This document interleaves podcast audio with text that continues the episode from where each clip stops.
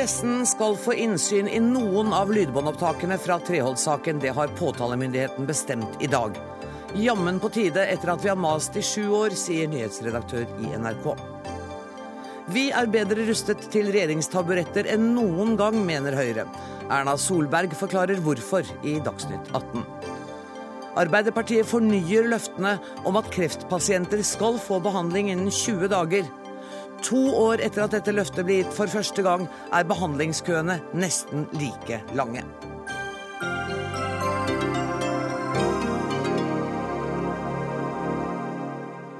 Dette er sakene i Dagsnytt 18, der vi også skal høre at det er stor tilstrømning til Risør kammermusikkfest, som åpnet i går. Men først. Pressen skal få innsyn i lydbåndopptakene fra Treholt-saken, men foreløpig bare i de opptakene som er ugraderte. Det vil altså si de som ikke er hemmelige av hensyn til rikets sikkerhet eller andre grunner. Statsadvokat Lasse Kvikstad har i dag skrevet et brev til Borgarting lagmannsrett, der han anbefaler at resten av materialet, altså det som er gradert, bør vurderes med tanke på avgradering og innsynsmulighet for pressen. Statsadvokat Lasse Kvikstad, påtalemyndigheten har gjort en slags kuvending i denne saken. Hvorfor har dere ombestemt dere nå? Det har vi gjort. øh, Det er flere grunner til det. Først Du innrømmer kuvending? Jeg er så jeg fornøyd. innrømmer, jeg innrømmer at vi har endret standpunkt, ja. Man skal huske på at det som hittil har vært behandlet i domstolen, har dreid seg om de helt generelle spørsmålene knyttet til innsyn i straffesaker.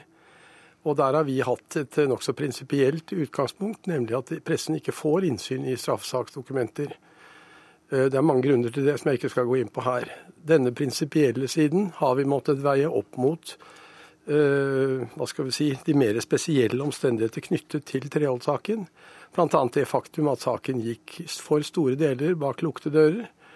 Og eh, vi mener nå at denne saken ikke har hva skal vi si, generelle føringer utover akkurat det som fremgår av Altså den har ingen generelle føringer.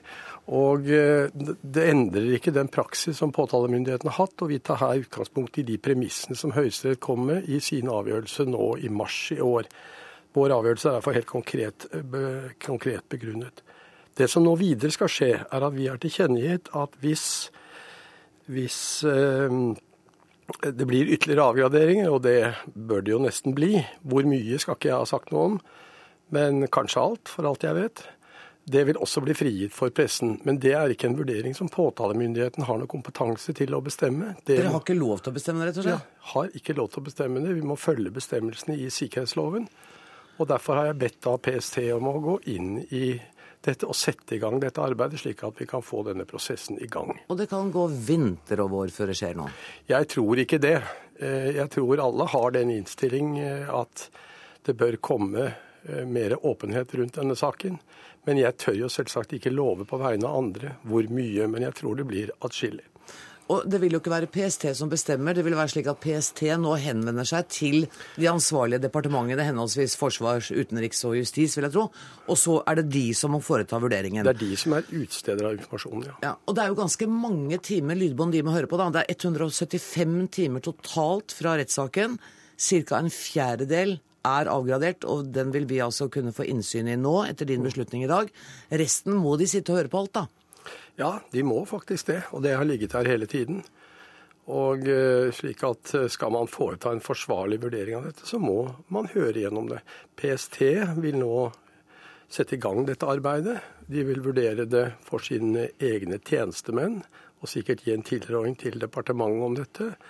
Utenriksdepartementet og Forsvarsdepartementet, som hadde mange representanter under saken, altså som vitner, de må også ta stilling til dette nå. Det er ikke noen vei utenom hvis man skal følge lovens bestemmelser. Men statsadvokat Kvikstad, du sier at det er ikke sikkert det tar så lang tid nå. Men det har altså tatt sju år fra dere fikk den første forespørselen fra NRK om innsyn i dette. Der er du ikke helt presis. for 2006 begynte vel saken, gjorde den ikke Ja, det? Ja, men den har kommet i flere omganger. Det kom en høyesterettsavgjørelse i 2006 om denne saken. Der fastslo Høyesterett at eh, det tillå påtalemyndigheten å avgjøre dette spørsmålet. Eh, det ble da truffet vedtak, og Høyesterett sa videre at dette kan ikke prøves av domstolene, sa de den gang. Og eh, vi, PST tok stilling til det, jeg tok stilling til det, og det ble avslått. Det var i 2007. Så i 2011, midt under gjenopptakelsesbegjæringen, så fremmet da pressen en ny innsynsbegjæring. Og eh, den varslet PST om at de ville vente med å behandle til gjenopptakelsessaken var ferdig. Det ventet man noen måneder senere. Men pressen valgte da å bringe saken inn for domstolene, og der har den rullet og gått siden. Har det vært gjort noe forsøk på å finne en minnelig løsning på dette? Jeg tror ikke jeg vil gå inn i noen detaljer om det. Eh, men eh, vi har et ønske naturligvis om mer åpenhet, eh, samtidig som vi må altså veie dette mot de mer generelle tingene. Men nå har vi altså konkludert med at etter de generelle innsynsreglene så vil vi frigi alt avgradert materiale. Hvor fort kan det skje rent praktisk? Det er veldig vanskelig å si. Man skal huske på at det dreier seg her om lydkassetter av 45 minutter hver. Eh, det er nok et litt omfattende arbeid, men jeg vil jo tro at kanskje det kan komme litt stykkevis og delt. Eh, det får vi jo se på. Du er, klar, altså, du er, jo selvfølgelig kjent med at det har vært reist kritikk både mot deg og mot riksadvokat Tor Aksel Busch for at dere nå uh, Det er litt sånn uh, bukken og havresekken. Dere var aktorer under saken.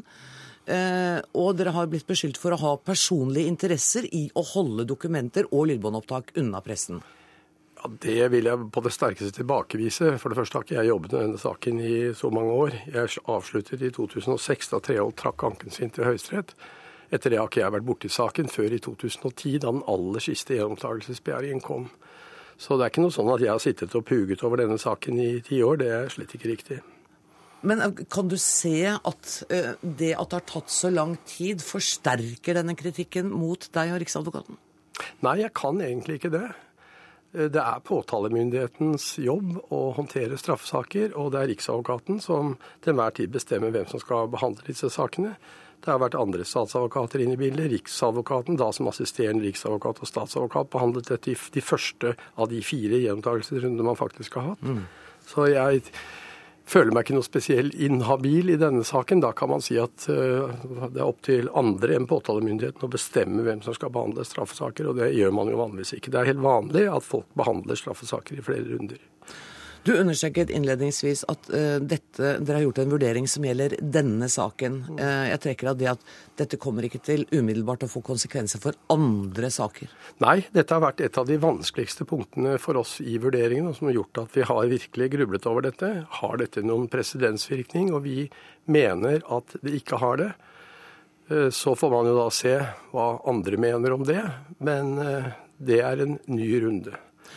Har du vært overrasket over at pressen har vært så insisterende på at uh, vi vil ha innsyn i disse lydbåndopptakene? Nei, jeg har ikke vært overrasket over det. Jeg syns jeg kjenner litt til pressen uh, etter mange års kontakt med dem.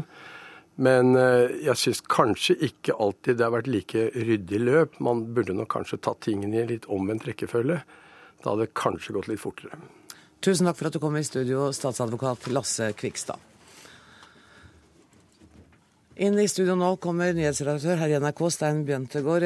Det er altså, som jeg sa, NRK som har begjært innsyn på vegne av flere mediehus. Er du fornøyd med påtalemyndighetens avgjørelse? Jeg er selvfølgelig glad for at eh, de har kommet til den beslutningen at de skal uh, frigi de åpne opptakene som er tatt fra åpen rett, og som vi satt og hørte på den gangen, i 1985. Uh, så må jeg si det skulle jo bare mangle. Det kommer bare altfor sent. Mm. Eh, nå sier statsadvokaten at også han har bedt PST ta initiativ overfor departementene for, med tanke på avgradering. Eh, det kan jo hende da at vi får tilgang til alt? Ja, Det vil jeg da inderlig håpe. Eh, det er jo det som har vært vårt mål hele tiden. Og så tenker jeg det brukes veldig mange argumenter og litt treneringstaktikk, sånn som jeg oppfatter det Eh, fra påtalemyndigheten. Eh, men jeg håper jo at resultatet blir riktig, nemlig at alt blir avgradert. Så betyr ikke nødvendigvis det at alt skal publiseres. Vi må ta de, eh, det ansvaret vi har i forhold til personvern og den typen ting for hva som skal publiseres. Men jeg mener i stor grad at det, dette må kunne publiseres. Men husk at hele dommen er avgradert. I tillegg til det så er de mest ømfintlige av det som skjedde i retten, er jo ikke tatt opp av bånd engang. Utenlandske eh, etterretningsagenter som var inne, det er ikke tatt opp av bånd. Det er ikke en del av materialet. Så her er det egentlig, sånn som jeg ser det, nokså greit å, avgradere. Men det er sikkert noen som sitter og tenker at nå er det nokså nøyaktig eh, 28 år siden dommen falt. Den falt 20.6.1985. Hvorfor er det så viktig for mediene å ha til, tilgang til eh, disse lydbåndopptakene? For det første så vil det komme perioder igjen. Denne treholdssaken har vært oppe så mange ganger hvor det er interessant å gå inn på det som virkelig skjedde, og ikke noens versjoner av det som skjedde. Jeg mener at det retter seg like mye om de forklaringene Arne Treholt kommer med nå, som det påtalemyndigheten kom nå. Jeg mener at Sånn sett så er det ikke sikkert at det er påtalemyndigheten som har mest å tape på at dette blir, blir avgradert. Men det er en prinsipiell side her også, som dreier seg om ø, menneskerettighetskonvensjonens ø, artikkel, 10, ja. artikkel 10, og at dette er en ø, artikkel som gjelder og, i norsk lov. Mm. Og det går på at når det er særlig interesse, samfunnsmessig interesse, så skal det Eh, gjøres tilgjengelig for pressen. Jeg spurte statsadvokaten om det var gjort forsøk på å finne fram til minnelige løsninger. Det ville ikke han svare på. Kan du svare på det? Jeg syns ikke det er noen minnelig løsning å finne her. For her bør alt avgraderes, og det er ikke noen minnelig løsning. Og men dere kunne oss... kanskje ha gjort det utenfor rettssalen? Det kunne kanskje ja, gått i møte? Ja, da måtte det ha skjedd for lengst. Er det for seint nå? Nei, altså jeg mener at nå må enten alt frigjøres, eller så er det ikke, noe, det er ikke noen annen minnelig løsning å finne. Advokat Harald Stabel, har statsadvokaten med dette satt sluttstrek for diskusjonene rundt pressens innsynsmuligheter? Nei, på, på, ingen måte. Det er en liten innrømmelse de kom med nå. Han innrømte at det var en kuvending? Ja, Nei, det er ikke noen kuvending. Det er en liten innrømmelse, og det skulle bare mangle. Altså, det man nå skal få fra pressen, eh, eller for pressen, det er da innsyn i lydbåndene fra åpen rett.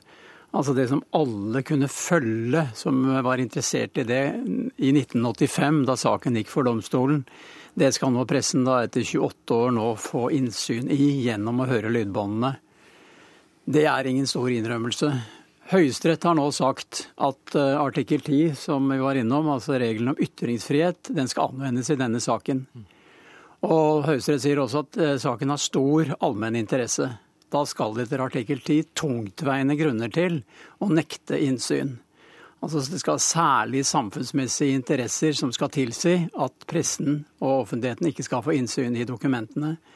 Og per i dag så har jo ikke påtalemyndigheten gitt en, egen, en, eneste konkret begrunnelse for hvorfor man ikke nå kan avgradere, hvorfor pressen ikke skal kunne få innsyn i disse lydbåndene. Det er fordi påtalemyndigheten har iallfall sagt meg at vi er ikke eksperter på forsvarspolitikk, på rikets sikkerhet og den type ting, så det må fagetatene ta seg av. Ja, men da kunne de jo ta kontakt med fagetatene da. De har hatt nå eh, fra 2006, hvor pressen var om innsyn, det gir en plikt til å vurdere avgradering av dokumentene det er at alle disse årene på å kunne gjøre noe med denne avgraderingen og kunne svare på hvilke konkrete interesser er det i dag, 30 år etter, som tilsier at ikke offentligheten skal få innsyn i det som skjedde i, i Treholt-saken. Og det er for meg ganske uforståelig, og for de fleste ganske uforståelig. Hva er det som tilsier, og hvilke konkrete opplysninger er det man ikke nå skal få? Vi har ikke hørt et eneste ord om det foreløpig, og det må lagmannsretten antagelig be om igjen, hvis de ikke er fornøyd med dette svaret her. For de må jo nå vurdere om det er grunnlag for å nekte innsyn etter at Høyesterett har sagt at artikkel 10 om ytringsfrihet gjelder. Er du enig med um, Stein Bjørntegård i at uh, nå, burde, nå, må vi få alt? Alt ja. må avgraderes? Ja, helt klart. For vi, vi, har jo ikke noe grunnlag for å kunne, å kunne, si noe om hva er det nå som er av opplysninger, og da må påtalemyndigheten komme med det. Og da blir alt avgradert. Da må vi bare vente og se. Jeg må si tusen takk for at dere kom i studio, Stein Bjøttegård og Harald Stabel. Hør Dagsnytt 18 når du vil, på nettradio eller som podkast. nrk.no – dagsnytt 18.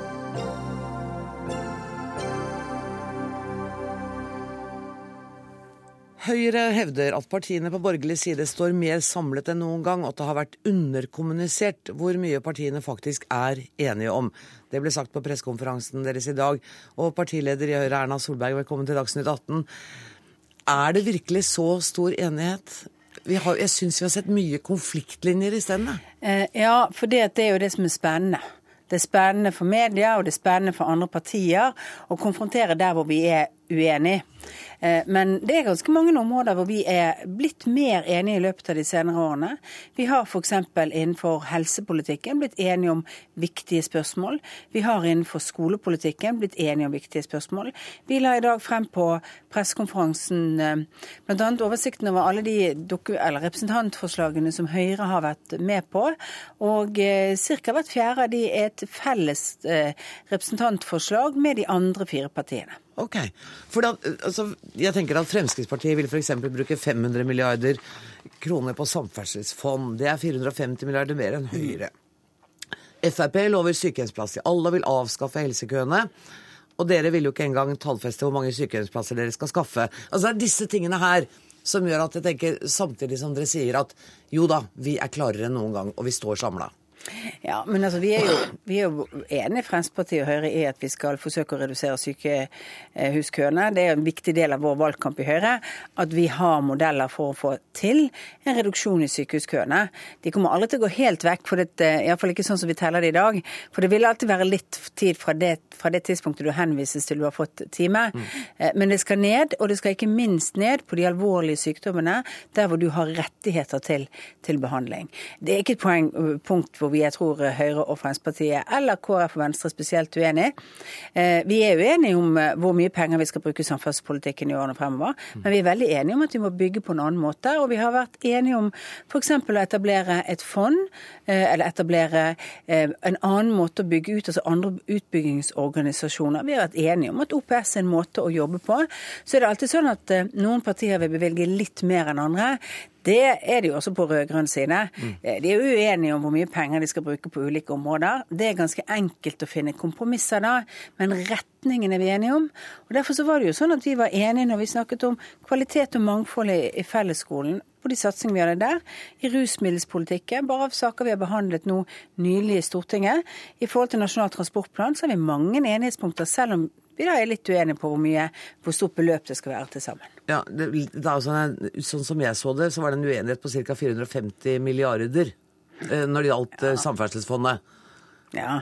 ja, da, og der er Fremskrittspartiet betydelig mer penger de ønsker å bruke inn i det, enn det vi klarer. Men, men vi går også lenger enn regjeringen, og det gjør også alle de andre partiene på borgerlig side. Du, Hva med handlingsregelen? Vi er enige om, altså Jeg mener jo handlingsregelen har to viktige elementer. Det ene er at du, er, at du ikke skal bruke mer i snitt over tid enn 4 eh, for å fase inn eh, oljepengene i norsk økonomi gradvis. Den andre biten som er like viktig, det er jo hva vi bruker pengene på. Og da er det sånn at Vi er ikke nødvendigvis enige i den 4 %-regelen med Fremskrittspartiet. De andre tre partiene er enige om at den er viktig. Men vi er alle enige om at vi skal investere for fremtiden altså bruke det som var det opprinnelige formålet. Også ikke inflasjonsdrivende, ikke sant? Det ja, må jo være utrolig ja, viktig. Ja, at det er vekstfremmende for næringslivet. Altså Det som skjer når du tar mer penger inn i norsk økonomi, sånn som vi gjør gjennom handlingsregelen, det er jo at da vokser offentlig sektor, da en, bruker vi penger på flere områder, som gjør at ja, lønnsspiralen går oppover, det har den gjort de senere årene. Mm. Det har en effekt for de tradisjonelle eksportrettede bedriftene i Norge. Det visste vi når vi innførte handlingsregelen. Det kom til å bli vanskeligere for en del bedrifter, og det er blitt enda vanskeligere enn det vi forutså. Det sa sentralbanksjefen i fjor, eh, når han snakket om dette bl.a. På, på, på i sin årstale. Men Derfor så skulle vi jo bruke de pengene på en måte som skapte mer vekst, bl.a. ved å redusere kostnadene for de samme bedriftene. Derfor sa vi at vi skulle ha skattelettelser. Mm. Den gangen var Arbeiderpartiet enig i at vi skulle ha skattelettelser var vekstfremmende. Derfor sa vi vi skulle bruke oljepengene til å investere i infrastruktur, sånn at kostnadene for norske bedrifter ble mindre. Nå ser vi jo f.eks. at det er en av de store utgiftsulempene for skogindustrien i Norge, mm. at vi ikke har bygget gode nok veier. Det har ikke regjeringen gjort. De snakker utrolig mye om en 4 %-regel, som altså et gjennomsnitt over tid. Men de snakker veldig lite om at de har sluttet å følge den andre delen av handlingsregelen. Der er opposisjonen enig. Det er der vi må sette inn taket. Da skaper vi også et bedre grunnlag for mer vekst i andre deler av næringslivet i Norge enn bare i den oljerelaterte virksomheten. Jeg hørte du sa uh tidligere i forbindelse med dette møtet med dine nordiske kolleger, at du på en måte misunte Reinfeldt, som kunne liksom gå med et, et felles program til, til, eh, valget. Men så sa du samtidig at rammebetingelsene våre er ikke sånn. Nei. Og da må jeg leve etter de rammebetingelsene som er. Mm. Betyr det, Solberg, at når valget er over og dere sitter der med et flertall, så begynner den ordentlige politiske verkstedet å fungere? Ja. På samme måte, sånn at vi vet rett og slett ikke, på samme andre, måte som for de rød-grønne partiene, så hadde de ikke noe program. De hadde noen få punkter de hadde avklart enighet om på forhånd. Nato, EØS og skattenivået for 2000, som skulle være på to år 2004. Jeg har lyst til å si at EØS og Nato er jo vi enige om på borgerlig side, så vi trenger ikke kompromiss om det. Eh, men eh, Oslo Haga skrev jo, eller sa vel på Dagsrevyen, at det var jo latterlig lite de hadde vært enige om. De hadde egentlig vært enige om noen slagord mot oss andre i valgkampen, også disse sakene. Og så måtte de begynne på scratch når de satte seg ned for å forhandle. Det er ikke uvanlig i Norge. Og da har velgerne gitt oss eh, forhandlingsmandatet. Altså hvilke partier har de gitt styrke til også å sette seg ned og diskutere. Du, litt flåste kanskje, men har du tenkt på hva, liksom, hva den regjeringen som du eventuelt skal lede, kommer til å hete? Har du, har du noe Nei, vet du at Det er ikke der jeg har tankene mine. Jeg er mest opptatt av det. Men nå har jeg hørt rykter om at Dagens Næringsliv i morgen kommer til å gi noen bidrag der, etter at dette var morsomhet på, på, på pressekonferansen i dag. Ja, men vet du hva, Vi skal allerede nå ta inn Kjell, Kjetil Alstheim, som er kommentator i Dagens eh, Næringsliv. Uh, jeg håper du har lyst til å bli sittende, Erna Solberg. Ja. Uh, Hei og velkommen, Kjetil Alstheim. Du har sammenlignet regjeringssamarbeidet på borgerlig side med fredagstacoen. Ja, det var vel litt med hva, hvor, altså, hva er det de egentlig lover av endringer. Og at de er vel, på mange områder veldig opptatt av å få fram at de ikke skal gjøre så veldig store endringer. Mm. Uh, og det, det, ligger jo litt i det når man måler hva, hva, velgerne ønsker. Så er det ikke sånn at de ønsker en veldig stor endring, men at de kanskje ønsker en liten vri, litt annen krydring, kanskje kylling istedenfor kjøttdeig i fredagstacoen. Men og, og, syns du nå at eh, Erna Solberg og Høyre på den pressekonferansen hvor du var i dag, at de ser ut til å evne å følge det som hovedtyngden av folket vil ha?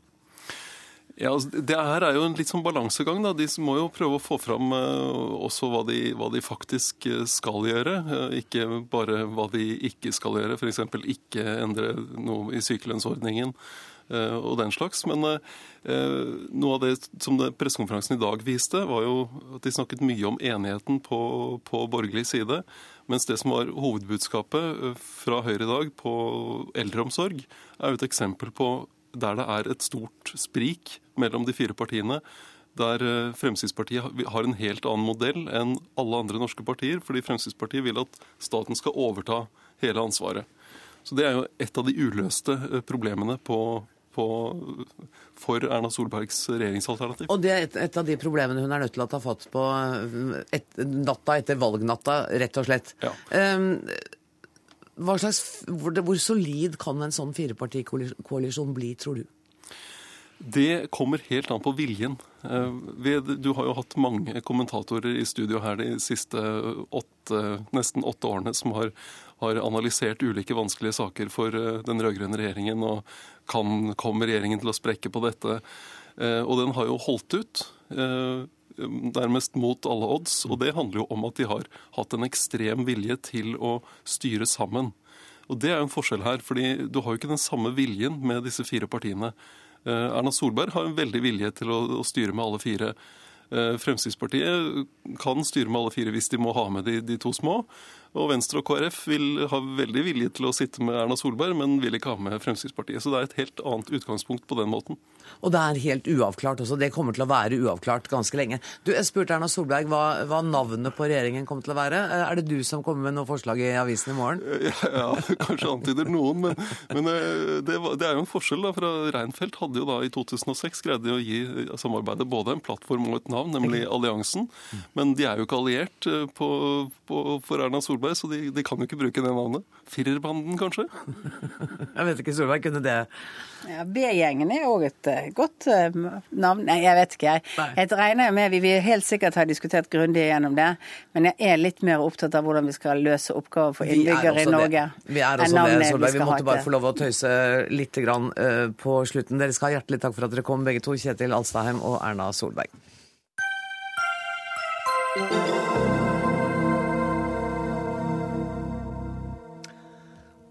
Har regjeringen gått litt tilbake på helseløftene sine? Ifølge sitater fra Nettavisen så lovet statsminister Jens Stoltenberg for to år siden at 80% av alle kreftpasienter skulle få startet behandling i løpet av 20 dager. For tre uker siden lovet helseminister Jonas Gahr Støre at citat, 80% av de som har mistanke om alvorlig kreft, skal behandles innen 20 dager. Statssekretær Nina Tagnes Grønvold, betyr dette at dere har nå innsett at målene var for vanskelige å nå, og nå gjør dere en liten, men ganske betydelig endring? Nei.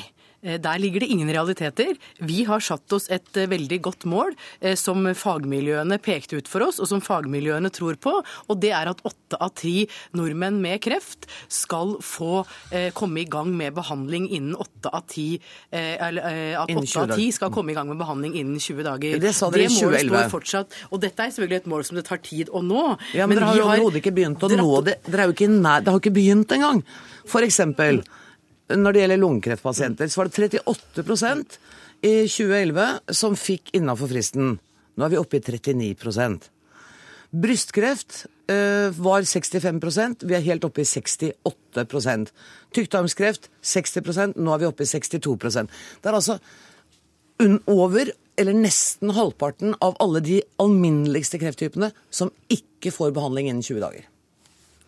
Vi har fortsatt ikke kommet langt nok på dette, og der er jeg jo helt enig med Kreftforeningen. så Her er jo vi allierte på vegne av pasientene. Vi ønsker å fortgang i dette. Og vi har da som regjering sagt at her må vi ha et djervt mål, og her må vi sette inn tiltak for å nå det målet. Det første vi startet med når vi satte det målet, var å begynne å måle på de tre kreftgruppene du nevner. Brystkreft, eh, tykktarmskreft og lungekreft. Og det å begynne å måle, det gjør at, det, at, eh, at atferd begynner å endre seg ute i systemene. Så har vi tilført uh, mer penger fullfinansiert aktivitetsveksten i sykehusene, eh, og jobber med å ta fatt i de flaskehalsene som vi ser her. Hvilke er, er det? og jo, det er særlig at de pasientene som må flytte seg fra lokalsykehus til et regionalsykehus for å bli ferdig med behandlingen, de opplever forsinkelser. Eh, det er ikke bra. Sånn kan vi ikke ha det. Hva gjør dere da? Hvordan vil dere løse det? Jo, da sier helseministeren i den nye kreftstrategien som kom nå i juni, at da er en hovedprioritet å satse på flere kreftkoordinatorer, forløpskoordinatorer, som loser den enkelte pasient pasient mye kjappere gjennom enn i dag. I, i tillegg til at vi selvfølgelig eh, må gjøre noe med IKT-systemene, som alle vet at vi nå er godt i gang med gjennom en offensiv stortingsmelding fra i fjor høst. Assisterende generalsekretær i Kreftforeningen Ole Alexander Oppdal seg. I 2011 syns dere grepet regjeringen tok var stort. Hva syns dere i dag? Det gjorde vi. Eh, så har vi jo fulgt denne saken, for dette er jo noe som opptar oss. Det opptar pasientene, naturlig nok. Det å måtte vente på en eh, mulig kreftdiagnose og så vente på en eh, behandling. Og vi har jo hatt en følelse av at ting ikke har vært helt som det skulle. For vi har fått tilbakemeldinger på pasienter som har ventet for lenge, og i dag så har vi da fått bekreftet at det har ikke skjedd noe. Det er klart at det er fryktelig trist på vegne av pasientene at man ikke har lykkes å nå dette målet. Men nå sier jo statssekretæren at det er satt i verk viktige tiltak for å fjerne flaskehalsene, for å gjøre IKT-systemene bedre, at man, men at det var det at man begynte å måle tiden som gjorde at man fikk avdekket hvor stort problemet var. Og da tar det kanskje litt tid? Altså, For å si det sånn, litt sånn interessant sak er jo det at vi ivret jo lenge for at man skulle få ventetider på kreftbehandling. Og da fikk vi til svar at det trenger man ikke å måle, for det eksisterer ikke ventetid på kreftbehandling, fikk vi høre. Så det var egentlig da først når vi fikk disse tallene opp, hvor det viste seg at det var faktisk disse ventetidene. Eh, og så er det jo helt riktig, og det er mye av disse tiltakene som er bra, men jeg tenker dette haster. og vi, Man begynte jo å snakke om disse tingene for to år siden. For med en gang dette løftet kom fra Stoltenberg, så var bra, så begynte man jo i fagmiljøet å diskutere hva som skulle til. Og flaskehalsene som er nevnt, dette med overgang mellom sykehus i forhold til patologer, i forhold til radiologer, som vi trenger flere av. Eh, det har vært diskutert lenge, men nå er det på tide at vi får gjort noe virkelig med dette her. Og bare så det er sagt også, dette er ikke, dette er ikke bare om ressurser, for man må også se på organiseringa i helsevesenet helsevesenet. Og jeg tenker at, og Det er jo ikke sikkert at det i og for seg er kreften som utvikler seg så forferdelig fort, men det, det må være en sånn enorm psykisk belastning å gå med den usikkerheten. Ja, og Det er helt riktig. Det er den psykiske belastningen her. Både det usikkerheten har jeg kreft, har jeg ikke kreft. Og hvor alvorlig er det? Du, ikke sant? Og når du har funnet ut og fått kreft, når må jeg behandles? Og Så skal det jo også sies at det er klart at den medisinske prognose kan jo også da forverres som følge av at man blir gående og vente. Mm. Nina Tagnes Grønvold, du skal få ordet igjen, men det, og det føles sikkert litt som, som to mot én. Men Bent Høie er her også. Du er helsepolitisk talsmann for uh, Høyre. Det er jo vanskelig å få dette her til. Ja, er det det? Eh, våre kolleger i Danmark har fått det til. Skal vi kjøpe den modellen? Ja, jeg syns det er veldig mye å lære av Danmark. Eh, For eh, ikke minst så når en satte seg disse målsettingene i Danmark, så tok en òg et politisk ansvar for å gjennomføre endringene. Og der er det jo en har skilt seg fra Danmark og Norge. For vi har en statsminister som er veldig opptatt av å selge politikken. Men eh, med en gang eh, mediene har gått hjem og, og, og presselampene slukker, så er han ikke så veldig opptatt av å gjennomføre politikken. Og det er jo ikke bare på dette området. Regjeringen har gang på gang vist manglende gjennomføringskraft. Fordi at Det nytter ikke bare å komme med denne type målsetninger. Hvis en ikke gjør som også Kreftforeningen påpeker, men som òg en samla opposisjon har påpekt gang på gang, nemlig at vi må òg gjøre noe med kapasitet organisering. Vi har foreslått etablering av diagnosesentre i alle regioner. Vi har foreslått, som Kreftforeningen, at eh, disse forløpstidene òg skal bli juridisk bindende eh, og som en rettighet for pasientene. Vi har til og med foreslått at pasienten skal få en rettighet til en koordinator, som regjeringen, partiene stemte ned eh, for en uke siden i Stortinget. Det har vært i 13 år. I 13 år har det vært lovpålagt for sykehusene å ha koordinator for denne type pasienter. Det finnes nesten ingen sykehus som har gjennomført det. Det eneste svaret helseministeren kom med, det at han nå skal svekke innholdet i den rettigheten, i motsetning til det som Høyre, Fremskrittspartiet, KrF og Venstre har foreslått, nemlig å se at dette må bli en individuell rettighet for den enkelte pasient. Men du, nå har vel ikke denne regjeringa sittet i 13 år, har den det? det har han ikke gjort, Nei. men altså de åtte år. Ja, men de fem første, da. Og- Noen kunne ha gjort noe. Ja, og det, og det eh, må da må jeg si at det, dette var en prioritert sak fra Høyre sist vi satt i regjering. Da fulgte han dette opp i direkte dialog med helseforetakene. Nå må vi òg gi pasientene den retten det er å få en koordinator. Kan ikke du bare kort si den danske modellen, øh, for der er det enda kortere til behandling, ikke sant? Nei, altså Det som er hovedforskjellen på gjennomføringen i Norge til Danmark, er nettopp den politiske oppfølgingen av disse målsetningene. Eh, og det har han jo ikke sett. I Danmark så er det jo sånn f.eks. i noen sykehus så har han gått inn og sagt at her har ikke ledelsen tatt disse målsetningene på alvor. Så har de rett og slett mista jobben. De har måttet gått fordi at de ikke har tatt dette på alvor. Mens i Norge så er det ikke mulig nesten å finne spor et, av et engasjement etter at dette ble lansert, på hvordan en faktisk skal gjennomføre det. Hvorfor bruker en ikke den ledige kapasiteten som er innenfor røntgen og lab privat, nettopp for å sikre den perioden som går fra mistanke om kreft til en startet diagnostisering? Det er ikke regjeringen villig til eh, å ta grep for. Og så er det kanskje en ansvarspulverisering også ute og går, eh, Nina Tangnes Grønvold? Jeg vil ikke fokusere på ansvarspulverisering. Her er det tvert imot motiverte sykehus og fagmiljøer som sjøl ønsker dette, og selvfølgelig pasientene som trøkker på. Men det som er viktig å vite i Norge, er jo at vi ligger i verdenstoppen på resultater for mange kreftformer. Resultater er enda viktigere enn antall eh, ventedager, selv om vi skal ned på ventedager og hele tiden jobber oss nedover på ventedager. Vi ligger f.eks. bedre an enn Danmark i resultater på, eh, på flere kreftformer. Det er det viktig å vite. Så må man også vite at blant våre mange sykehus og de ulike kreftformene, så er det jo på mange områder at vi oppnår resultater, og at vi ligger langt over 80 og på 90% av resultatoppnåelse, altså i forhold til behandling innen 20 dager. Det jeg snakket om var landsgjennomsnittet, og det er vel det som er interessant Ja. her. Ikke at ett og annet sykehus klarer å få bedre resultater. men bak disse tallene så ligger det jo veldig mange eh, forskjeller. Eh, og det ligger særlig en del, eh, veldig mange gode lokalsykehus og større utfordringer på regionsykehusene. Det er ikke vi fornøyd med. De må også klare å komme på regionsykehusene ned på det målet som er satt. Men mange kreftpasienter skal få enda raskere behandling enn 20 dager. Og noen kan faglig forsvarlig få lenger. Og det er Mm. Men viktig du, å vite forskjellen på men det. dette her sa dere jo 2011 også, og med, og med samme entusiasme og samme trøkket. Og så har jo jeg nettopp vist til tallene som sier at det har altså ikke skjedd noe på to år. Hvor lang tid ser dere, hva er tidsperspektivet for at vi skal få en endring her? Det er ikke satt en tidsfrist for når vi skal nå dette målet om at åtte av ti skal få akkurat denne grensen. Men dette er jo noe vi jobber mot hele tiden. Og det skjer jo veldig mye på det området. For det første så er jo pasientene og hele sykehusdriften i endring hele tiden. Så de tallene vi hadde for to år siden er selvfølgelig ikke de samme menneskene og de samme tallene som vi har nå. Det jobbes og tas unna mange flere pasienter og behandlinger i Norge nå enn det gjorde bare for kort tid siden. Jo, det er skjønner jeg, men prosentandelen er jo en faktisk eh, Det er et Ja, faktisk tall. Og Og det er altså ja. øket med Da har behandlingstiden gått ned da for 1% f.eks. på den ene krefttypen på to år.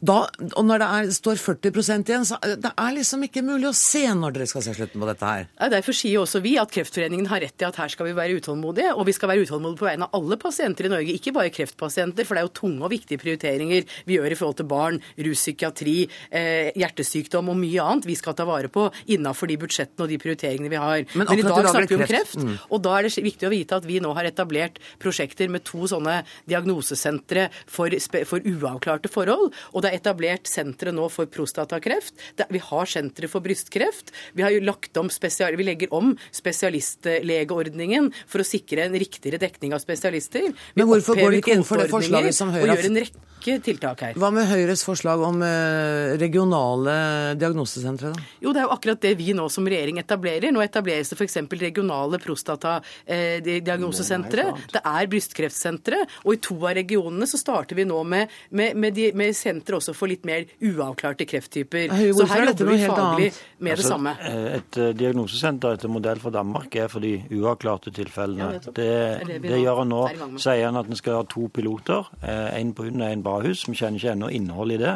For han har gitt full frihet til å organisere dette akkurat som en vil. og Derfor vet vi ikke ennå om dette faktisk blir etter modell for Danmark. Istedenfor og nå, har, nå skal han sikkert da, Forhåpentligvis så fortsetter ikke denne regjeringen, og da får vi en endring på dette. Men eh, skulle det gå så ille, så vil vi altså nå måtte vente flere år for at denne regjeringen skal høste erfaringer for disse diagnosesentrene, i stedet for å si nå har de gjort noe bra i Danmark, la oss lære av det. I Danmark har de lagt forløpstider for 32 ulike kreftdiagnoser. Danskene har nok ikke så veldig ulik kropp eh, enn det som vi nordmenn har, så jeg tror det er veldig mye vi kan hente derfra, istedenfor å gjøre jobben på ny. Og så er det òg et spørsmål hvorfor ikke styrke pasientene i møte med dette systemet. En av hovedproblemene er at pasientene opplever seg maktesløse. Eh, Per Fugelli skrev jo ganske gripende om sitt møte med over 30 ulike leger eh, når han var på det sykeste.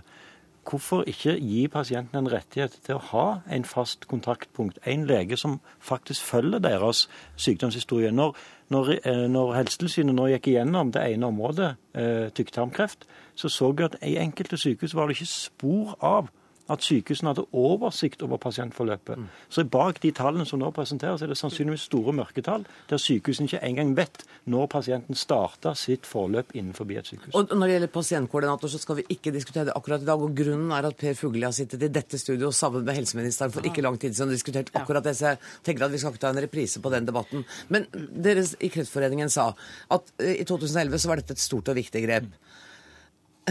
Og nå? Altså, hva sier det? det er, nå er det, det er kanskje litt mindre det løftet som er avgitt for noen uker siden. Ja, altså vi, vi forholder oss til at det ikke er noen sånn realitetsendring i dette her, og det, det er jo for så vidt viktig. Eh, og så er det, altså, det er en utålmodighet i forhold til det, det vi hører fra pasientene. og Vi er jo for så vidt glade for disse signalene som kommer fra begge de store politiske partiene her. Men jeg er også veldig opptatt av at eh, altså i dag, eller i siste tallene sier at 28 000 får kreft hvert eneste år. Det er et betydelig antall. og vi har de problemene vi ser i dag. Men problemet er jo det at det antall som får kreft, kommer til å øke. kommer til å øke betydelig fordi at vi får en eldre befolkning. og kommer også til å øke andre sykdomsbyrder. Så utfordringen er jo det at hvis man allerede nå henger etter, altså hvor, hvor står man om noen par år når vi passerer over 30 000 nye krefttilfeller? og Da er det viktig at vi setter i, og tiltak må settes i gang nå. Ja, Ja, og statssekretær det er vi helt enig. Vi har akkurat lagt fram 200 siders folk folkehelsemelding som sier hvordan vi skal møte eh, disse sykdomsgruppene med hva, Jeg forebygging. blir noen ganger så lang i armene. Jeg hører de der meldingene. Det skal komme og meldinger ja, det er politikerspråket for Ja. at vi har lagt en plan. Ja, og lagt en plan. Og og sagt hva som skal skje. Ja, ikke sant? Og det er, det er voldsomme mengder med papirer, og så Og ganske mye resultater. Okay. Og det jeg har behov for å si, eh, er at den rød-grønne regjeringen har jo bl.a. styrka sykehusbudsjettene med 12 milliarder de siste åra. Og selv om Høyre nå sier at de vil bruke omtrent det samme på sykehus, så er det viktig å være klar over at den forrige borgerlige regjeringen underfinansierte sykehusene og etterlot underskudd som vi måtte ta over og rette opp. Og da blir det ikke mye rettigheter og prioritering til noen. Og det må også ettergås i sømmene. Vi har satt oss djerve mål. Vi har fullfinansiert, og vi har satt i gang en rekke tiltak, deriblant også diagnosesenteret, og ikke minst tett samarbeid med faggruppene som vil dette, og som skal nå mål på vegne av kreftpasientene. eh, Prioritert selvfølgelig opp mot også alle alle andre viktige pasienter i Norge. Men da er det jo Dere er jo liksom egentlig Så har dere felles interesser, Høie. Det er blitt uenige om Jeg, måten. jeg tror jo ingen er uenig i Nettopp. at vi skal gi kreftpasientene bedre behandling. Forskjellen går jo på den politiske viljen til å faktisk styre helsesektoren og gjennomføre konkrete tiltak. Og det, det er klart at En ting er statsministerens eh, lovnad i 2011. Helsetilsynet kom jo med en ganske drepende rapport allerede med utgangspunkt i 2009, der han så at dette med diagnostisering var et stort risikoområde innenfor norsk helsevesen. Den rapporten ble levert eh, til Helsedepartementet, og den ble ikke fulgt opp. Det skjedde ingenting. Og Det er jo nettopp det som er problemet. Nå har han lagt fram en kreftstrategi. Veldig bra overordna dokument, men det er et overordna dokument. Det er ingen plan. Høyre har jo nettopp sagt at vi er nødt til å ha en plan for den utviklingen i antall krefttilfeller som nå kommer. Vi må ha en konkret plan på hvor mange patologer trenger vi, hvor mange eh, MR-maskiner trenger vi, hvor mange kreftleger trenger vi. For Hvis en ikke lager en plan på dette, så får han ikke styring med denne sektoren. Og da er det bare virkeligheten som kommer til å bevise hvem av dere som får rett. Jeg er nødt til å sette strek, for det står andre gjester og venter der ute. Tusen takk til eh, statssekretær Nina Tangnes Grønvold, til Ole Ole Alexander Oppdal fra Kreftforeningen og til Bent Høie fra Høyre.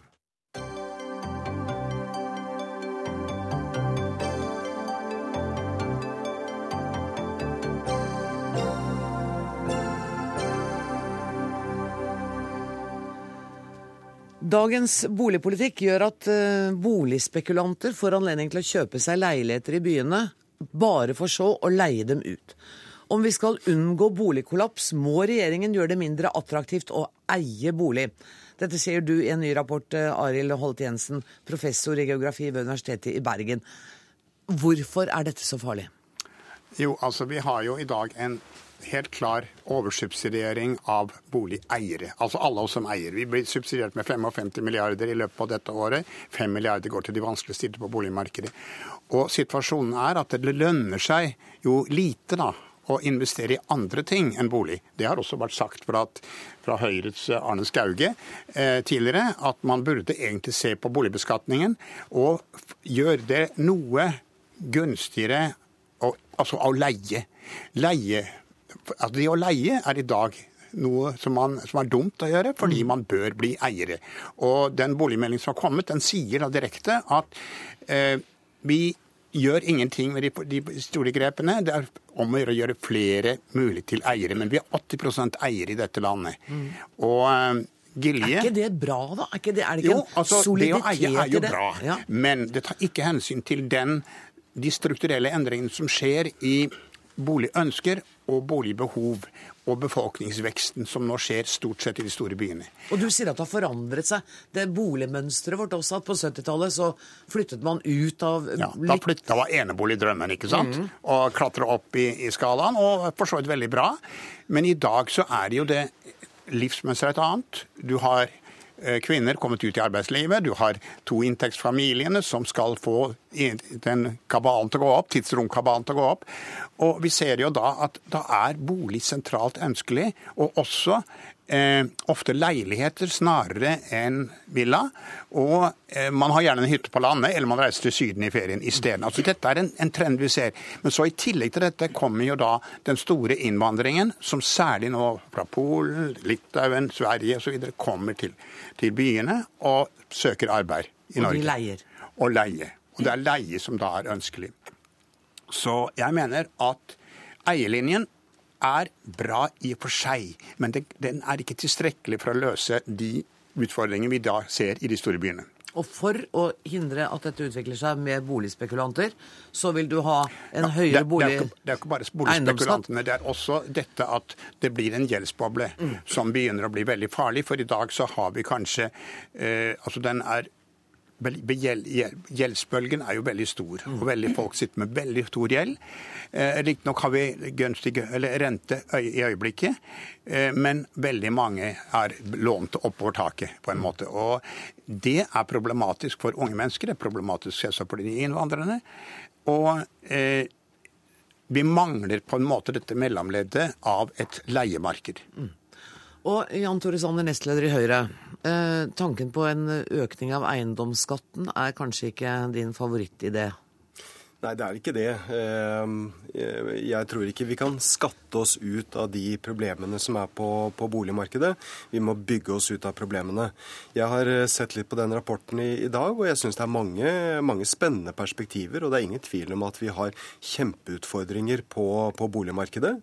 Eh, en av utfordringene er jo at eh, veldig mange ønsker å bo i byene og bynære områder. Og det betyr at vi er nødt til nå også å se boligbygging og infrastruktur i, i, sammenheng på en helt annen måte enn det vi har gjort før. Vi må forenkle eh, utbyggings- og planleggingsprosessene. Men, eh, men jeg er veldig glad i eh, selveierdemokrati, at folk har mulighet til å eie sin egen bolig. Jeg tror det var en Clinton-rådgiver som en gang sa at aldri har noen gang i verdenshistorien vasket en leiet bil. Eh, og Det jeg det sier litt om, om, forskjellen på det å leie og eie. Det betyr noe å ha sin egen bolig. Men, men samtidig så øker jo det klasseforskjellene, fordi at 80 eh, av oss eier de leilighetene, husene vi bor i. 20% må leie til blodpris, mange av dem. Sånn at de blir på en måte enda mer tapere. De får aldri sjansen til å spare seg til en egen bolig, fordi leieutgiftene er så høye. Det er veldig viktig at vi har et velfungerende leiemarked, men jeg har ikke spesielt stor tro på at kommunene skal bygge en masse utleieboliger. Eh, da vil jeg heller sette inn, inn støtet på studentboliger. Få i gang eh, utbyggingen av nye studentboliger. Det vil gjøre at studentene også kan gå ut av det andre eh, og åpne det for, for andre igjen. Og så har du jo den løsningen som jeg har sett i denne rapporten, og som jeg vet også SV ivrer etter, og det er å øke beskatningen på bolig nummer to. Mm. Eh, og det betyr jo det, ja. Nei, jeg er ikke noe glad i det heller. fordi at hva betyr det? Jo, det betyr at noen som har arvet eh, barndomshjemmet sitt, og så leier de det ut i noen år, så får du høyere skatt på det. Vel, hva gjør man da? Jo, da skrur du opp leieprisen. Så det er heller ingen løsning. Men legg til rette for sparing. Sørg for at unge mennesker kan spare fra de begynner å, å, å jobbe. Så en langt mer bedre boligspareordning, altså BSU, har jeg tro på. Sånn at uh, du får mer kapital til å kunne kjøpe deg inn i i boligmarkedet. Ja, Aksel Hagen, du er allerede nevnt her, boligpolitisk talsperson for eh, SV. Hva syns du om Sanners forslag om å legge til rette for flere studentboliger, men kanskje ikke bygge så mange kommunale utleieboliger? Alle politiske partier sier at det er viktig å bygge flere studentboliger. Både av hensyn til studenter og av hensyn til de andre som er på utleiemarkedet og syns det er fint å bli kvitt studenter. Vi, vi lager en litt sånn uh, dum motsetning mellom det å satse på en god måte på eierlinja og på leielinja. Uh, for nettopp for at ungdom og andre lettere skal få komme inn på eiemarkedet, er det fint hvis de kunne hatt en periode på et velfungerende leiemarked. Der det ikke var blodpriser, men at det var mer anstendige priser ute og gikk, som gjorde det mulig at du kunne samle opp kapital for etter hvert å å eie. Nettopp. Det er sånn så, vi så vi, vi har en litt sånn dum, dum, konflikt her. Så er jeg ellers enig, veldig enig med Arild Holt Jensen i alt. Men bl.a. at det er i et moderne samfunn så er det flere av oss som av ulike årsaker vil ønske å leie deler av livet. Og da er det fornuftig at Norge normaliserer seg i forhold til land rundt oss. At vi har et mer profesjonelt, godt, velfungerende leiemarked. Og da er du enig med Holt Jensen også i dette med eiendomsskatten, at den kan økes? Det vil jo ikke overraske meg mye? Nei, altså Det Arild Holt Jensen sier i dag, er det fagøkonomer har sagt at oss i lang tid. Og vi i SV har sagt at vi lytter til fagøkonomer og syns vi skal ta, og syns vi skal ta debatten. Du ble møtt med litt latter når du hørte at SV lytter til fagøkonomer. Ja, men gjør faktisk det. Jo da, jeg, og jeg har, jeg har, lest SVs program, ja. Eh, og det, det er ganske interessant fordi at SV ønsker høyere boligskatt. Eh, de ønsker å redusere rentefradraget. Og hva vil det bety? Og det betyr jo at unge barnefamilier som er kommet inn på boligmarkedet, de vil da ikke kunne trekke fra sine gjeldsrenter på, på selvangivelsen. Det betyr jo da at man bare skal trekke opp stigen etter seg. Vi må ta hensyn til det boligmarkedet vi lever i. Du kan ikke bare sette en strek over det og si at nå skal vi starte med noe helt annet. Vi er tvert imot nødt til nå også bygge mer. Eh, det er måten vi kan komme ut av noen av de utfordringene vi nå er oppe i. Hold Hensen, jeg tenkte å gi deg en siste ord. For da, jeg ja. mener at jeg leste at i Oslo så bygger vi det bygges nå ca. 4000 nye boliger i året, og så trenger man sju. Ja. Eh, så det er liksom, takta er halvparten av hva det burde vært. Og det, det fører jo til at prisene blir mye høyere enn byggekostnadene i realiteten. Det er, stor, det er blitt økende gap mellom byggekostnader og, og, pris. Men det er vesentlig for meg også å si dette at eh, vi ser at eh, eh, andelsleiligheter kjøpes av andre utenom. De har fått veldig mye framleie av leiligheter. Og det er veldig uoversiktlig leiemarked også. Og der skjer det veldig mye som man ikke egentlig vet så veldig mye om. Eh, I et borettslag i Groruddalen som jeg besøkte, så er det 40% av leilighetene som er på utleie på framleie. og det forvitrer bomiljøet. Så det, altså, eh, og det er klart da at hvis man kunne få borettslagene til å gjøre sånn som man begynner nå i Stavanger, og tilby eh, borettslagsleiligheter til ungdom for kostpris til å begynne med, og så kan de gradvis betale seg inn og kjøpe leilighet, altså kjøpe andelen på sikt. Det, det, det, er noe sånt vi må se på, mellom, en mellomløsning. Jeg er enig også i at uh, det å trappe eller kutte ned på uh, alle boligsubsidiene som vi har i Norge i dag, fort, det, det, går ikke. Men i Danmark så er situasjonen en helt annerledes. Mm. Ja, vet du hva jeg ombestemmer meg? Dere skal få lov å få hver deres replikk likevel. Eh, vær så god, Hagen. Ja, Jan Tore Sanner driver litt ufin eh, siteringsteknikk fra programmet vårt. Vi har sagt det er bolig nummer to mm. som vi skal se på skattemessig. Og så har vi sagt at vi skal ta diskusjon nøyaktig slik som Arild Holt Jensen sier, og som fagøkonomer sier.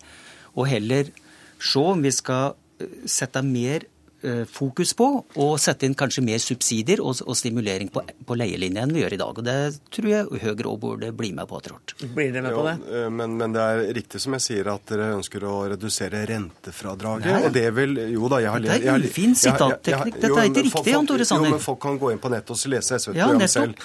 Eh, det men, men det, syns jeg syns er interessant, det er dette innspillet som, som kom fra, fra, Stavanger. Og jeg merker meg da at man går til en høyrestyrt kommune for å finne et godt forslag. og, og sånn kan vi kanskje lære av hverandre.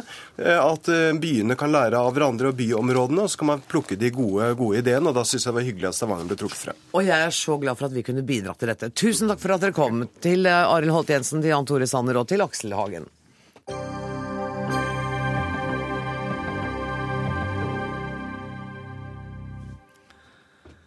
Nå er Risør kammermusikkfest i full gang, og den tiltrekker seg mennesker fra alle landets kriker og kroker, så vel som internasjonale gjester. Det vi hører noen forsiktige takter av her, er Alfred Janssons 'Sensa Pedales', spilt av Håkon Austbø.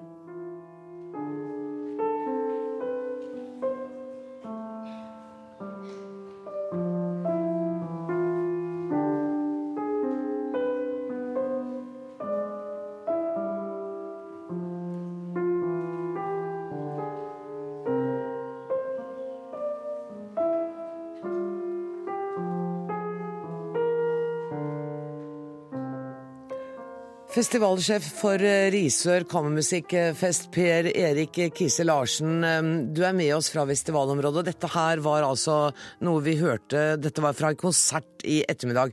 Hvordan er stemningen i Risør?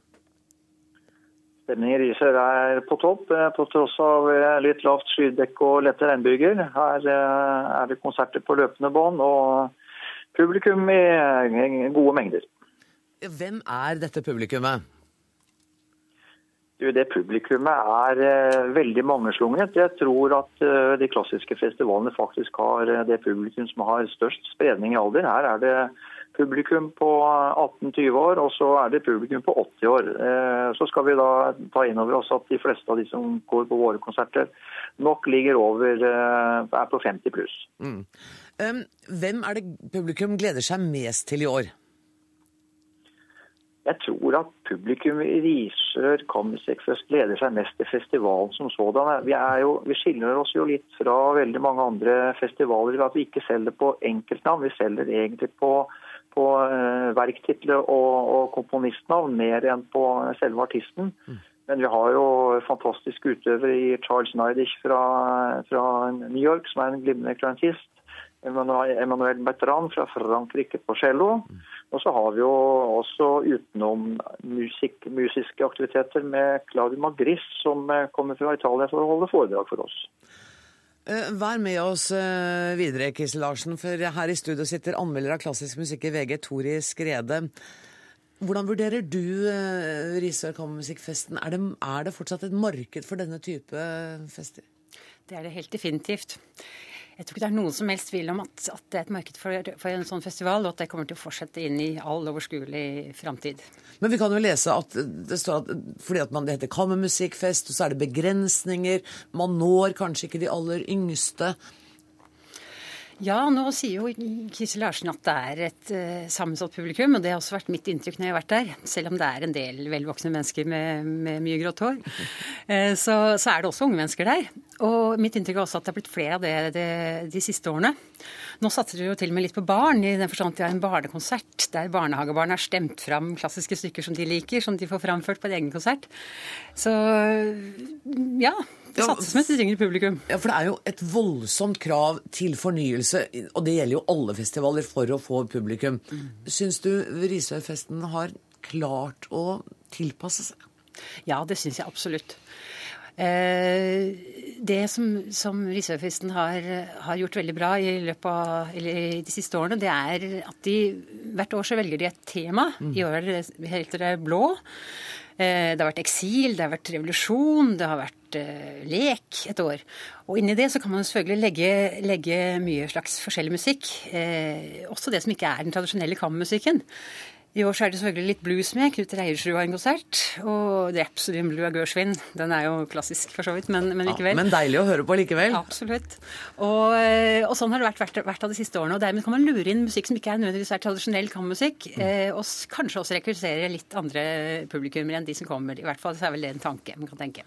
Ja, Kisse Larsen, eh, her var jo stikkordet det å få med barna. Hva er Risør ung for noe?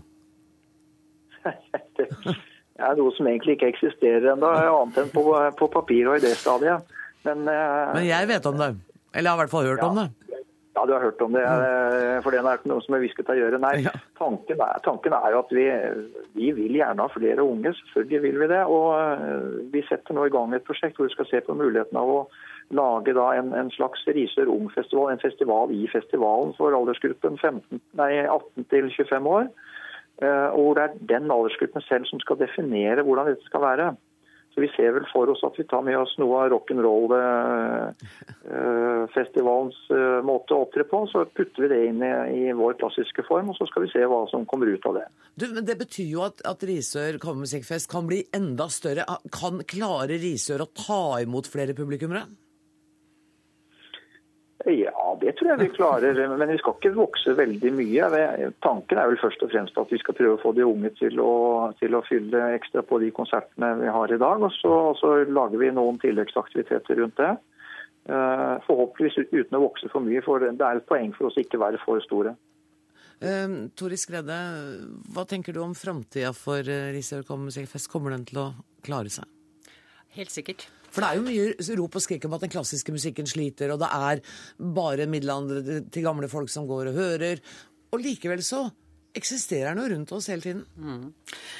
Det er til dels sant, eh, men samtidig så er det jo også veldig mange unge mennesker som er interessert i, i, klassisk musikk. Mm. Det, det, glemmer man noen ganger, for man tror at, uh, tror at det er uh, bare Justin Bieber over hele linja, men det er ikke sant. Nei, det er ikke. Men, men, selvfølgelig så er det viktig å ta noen grep, og det er jo det, det Kissel Larsen ser at de gjør i Risør. Den Risør Ung høres veldig spennende ut. Og jeg har stor tro på den, den, type prosjekter der man kan bevare kjernen, men, men lirke litt på formene, gjør det litt mindre tilstivna, men fremdeles beholde musikken, i hvert fall. Beholde musikken. Jeg syns vi skal bare sette i gang resten av den uh, komposisjonen til Alfred Jansson, 'Essenza Pedales'. Og så skal jeg si uh, fortsatt lykke til med festen for deg, Per Erik Kisse Larsen. Og så skal jeg takke Tori Skrede for det at hun kom i studio. Og så koster vi på oss noen sekunder med Alfred Jansson.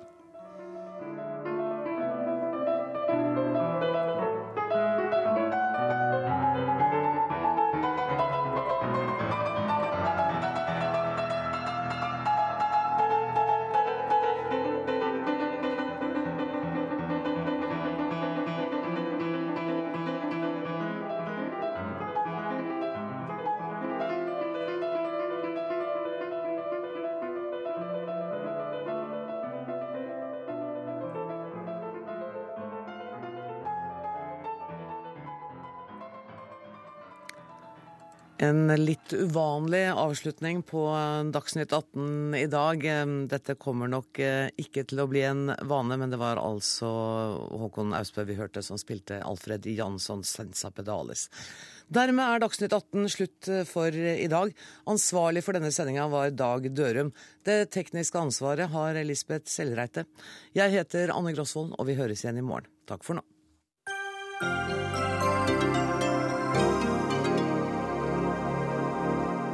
Hør flere podkaster på nrk.no podkast.